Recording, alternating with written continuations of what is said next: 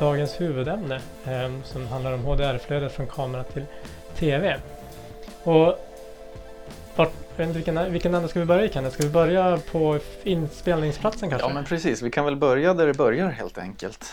Men det är ju, det är ju så här att det är ju egentligen hela tv och broadcast-delarna som har gjort att vi inte har haft HDR hela tiden kan man ju säga. För Okej. när man filmade på film en gång i tiden, eller 35 mm kameror och sånt, så hade man ju en, ett större dynamiskt omfång än vad man har haft i, i tv-utsändningarna. Men det här har ju format hela produktionsledet så att eh, det man gör idag på plats ute på on, on location så att säga, det är att man, eh, man kanske ljussätter på ett sätt som gör att man får en lägre dynamiskt omfång. Låt säga att du har en, en mörk scen där en, en bil svänger upp med starka lysen som går rakt in i kameran. Då har man kanske dämpat de lysen on location för att den helt enkelt inte ska lysa för starkt in i kameran och på så sätt eh, minska det dynamiska omfånget. Då. Så det här har ju liksom eh, det har ju spritt sig i hela ledet från, från ljussättning till filmare till redigering så småningom som sitter på referensmonitorer och som har varit eh, anpassade för hur tv och broadcast-sändningarna ser ut. Så redan där så har man behövt bara kompensera egentligen för ja, vad ska man kalla det? Brister eller begränsningar Ja. i senare led? Ja men precis, så är det ju. Och det som händer nu då det är ju att eh, sen en tid tillbaka så sen säljs det ju ganska mycket eh, framförallt tv-apparater som har en möjlighet att visa mycket högre dynamiskt omfång än vad vi har haft i tv-specifikationerna.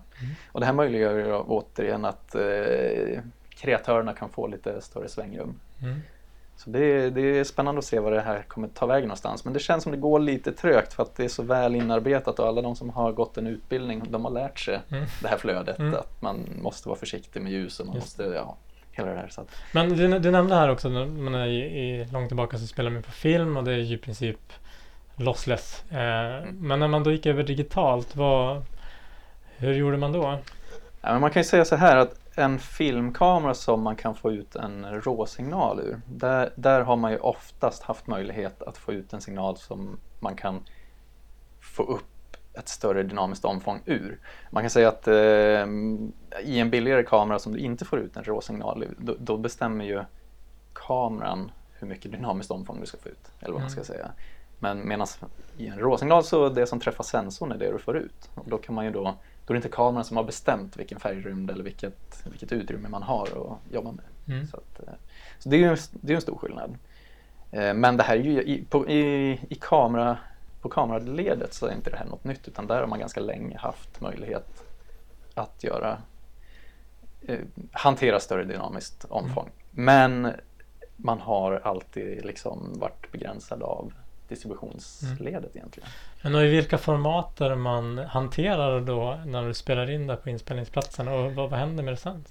Eh, jo, men eh, dels så vill man ju se på plats hur det ser ut så att det kanske görs en, en snabb grade redan på plats för någon, någon som sitter och, och i en modern inspelning så kanske den också streamas Nu någonstans. får du förklara för Ja. de som grade. vad, vad, vad, är en, vad, gör man, vad, gör, vad är en grade? Eh, ja, precis. Eh, nej, men det är så att eh, någon, eh, någon ljussätter en scen rent fysiskt på plats med lampor och så, men sen ska det också ljussättas digitalt. För det som träffar sensorn är ju Mm. kanske inte, representerar kanske inte så som vi vill att bilden ska se ut. Mm. Utan sensorn den tar ju bara in ljusvågor Ja. och omvandlar dem till eh, data. Så att någon måste ju bestämma hur, den där, hur ljusvågorna ska se ut. Så att en färgkorrigering sker ju eh, kanske redan antingen direkt i kameran eller Mm. kanske av någon på plats som gör en enkel grade, alltså en färgjustering av, okej. av Mm. rådatat.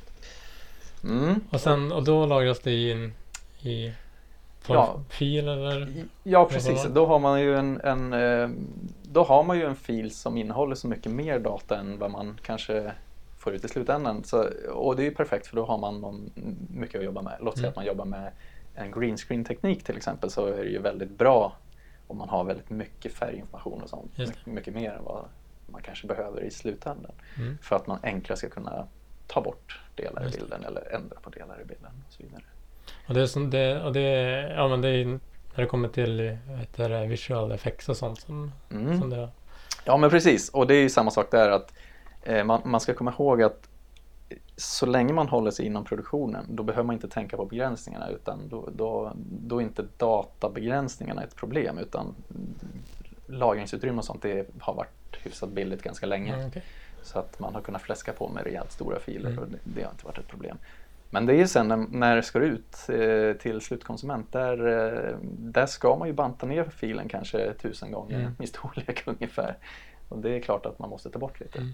Men jag kan, jag kan tänka mig, men visst jag förstår en filmrulle, den, den fraktar från inspelningsplatsen och sen framkallar den och allt vad det gör med det. Men vad, vad pratar vi om här? Det, det är hårddiskar man skickar eller Det kan över vara hård- nätet eller? Ja, det kan vara hårddiskar. Det, det beror ju lite grann på hur produktionen ser ut såklart. Men, Mm. men att skicka hårddiskar är nog fortfarande ganska vanligt skulle jag tro. Mm. Det är högst bandbredd på det helt enkelt. Ja, det går ju... Det, det, det är ofta så att man kanske spelar in på ett lite otillgängligt ställe också. Mm. Det kanske inte är så att man har en snabb uppkoppling exakt där, där man står. Nej. Utan ja, då är det enklast att skicka en liten budbil eller vad det nu kan vara. Skickar. Ja, men och sen så kommer den här budbilen med den här hårddisken eh, och hamnar, vart hamnar den sen där?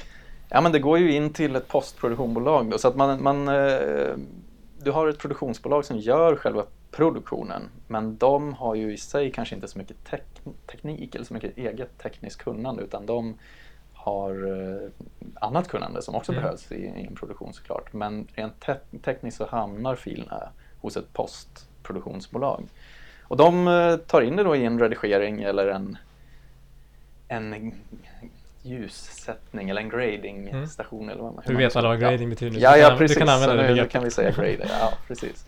Nej, men, och och där, där kan det ju då vara så att eh, filerna är kanske för stora för att jobba med lokalt. Nu börjar ju diskar och sånt bli så pass snabba så att det blir ett mindre problem. Men historiskt så har man oftast komprimerat ner till ett redigeringsformat som Mm. kanske är ProRes Okej. eller Okej. nå- någonting.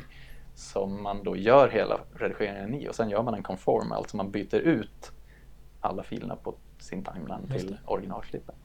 Men vad har hänt med det färgomfånget i det här läget? Och det är fortfarande intakt så att säga? Eller man har Eh. fortfarande all data som finns att jobba med? Ja, precis. Du, det kan man ju ha såklart. Men redan när du hamnar på en timeline så har man ju oftast eh, där gått ner till en broadcast-baserad Mm. färgrymd eftersom att du, har, du jobbar kanske mot en referensmonitor. Ja. Men nu kommer då HDR.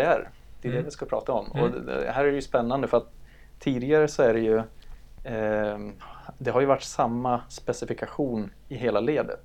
Alla eh, monitorer har haft samma specifikation. sRGB-färgrymden på datorer är också väldigt lik den 709-färgrymden som, som används eh, i broadcast. Eh, Det som händer nu det är att eh, väldigt, ja, de flesta paneler som sitter i tv-apparater och referensmonitorer, de är olika. Mm. Så det man gör nu det är att man tar ett mått på den skärm där man faktiskt gör sin grade. Mm. Eh, eh, och den är då kalibrerad till någonting så att man vet exakt vad den kan prestera. Och då tar man eh, och sparar ner de inställningarna i en metadatafil så att man vet att den skärmen, så som det såg ut när den gradaren gjorde det, det ska vi försöka efterlikna på nästa skärm. Mm, okej. Då är det metadata som styr det. Så då, då vet nästa skärm, till exempel en, en tittares tv-apparat, till Mm. exempel. Eh, den, vet vad TV, den vet ju vad, vad den själv kan prestera. Och så tar den och läser av videofilen, vilket den gör, och läser av den här metadatan.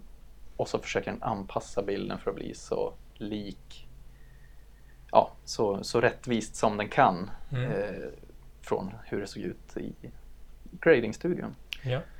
Så det är spännande. Det här betyder ju att i, i princip så kan det ju då se lite olika ut beroende på hur tv-tillverkarna har valt att tolka hur de ska göra sin tone mapping som det Mm. kallas för. Så det, det, det är lite Men- skillnad på billiga och dyra tv Ja, men, men sitter de som gör gradingen med olika typer av konsumentapparater och jämför också? Det är ganska vanligt att man har åtminstone en konsument-tv. Mm. Eh, I HDR-fallet så är det väldigt vanligt att man sitter på en OLED eh, Ja. Men jag tänkte att man kanske behöver sitta även på eh, ja, en, en, en, inte en så ljusstark kanske. Eller, Ja, det kan man ju göra såklart. För det är det som finns i hemmen. Så att Ja, säga. Man tar säkert hem en kopia också och kikar på det i vissa fall kanske. Ja. Men, men, men visst, eh, produktions, eller post, postproduktionsbolagen de har oftast både referensmonitorer och Mm. konsument-tv i någon form i alla fall. Mm.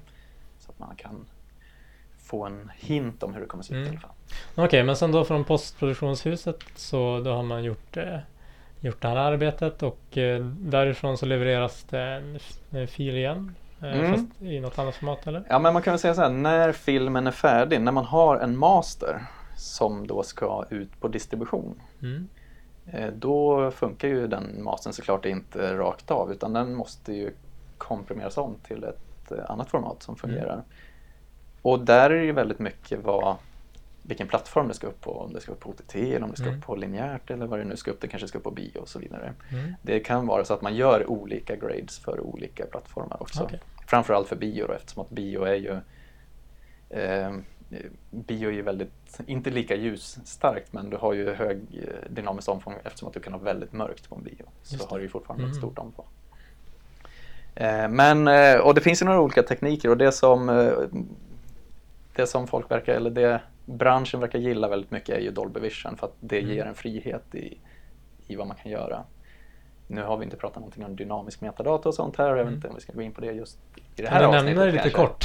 Ja, men precis. Det, eh, man kan väl krasst säga att eh, du i Dolby Vision kan sätta eh, ljus... Eh, du kan mäta hur ljus en scen är.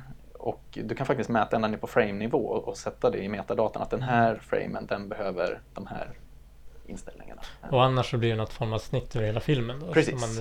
Alternativet är att man har ett snitt över hela filmen och så när man startar filmen så bestämmer man att så här ska filmen se ut. Mm, just det, här är den ljusaste vita punkten i... Ja. Ja. Kan man säga. Mm. Ja, och då kommer man då till eh, videokomprimerings... Eh, helvetet tänkte jag säga. Nej men... Det är Eh, en podcast, du får ja, svära. ja för, förlåt mitt språk. Nej men eh, och, och där är det ju så att eh, i den värld vi lever i idag så, så är det ju H264 som har varit det vanligaste.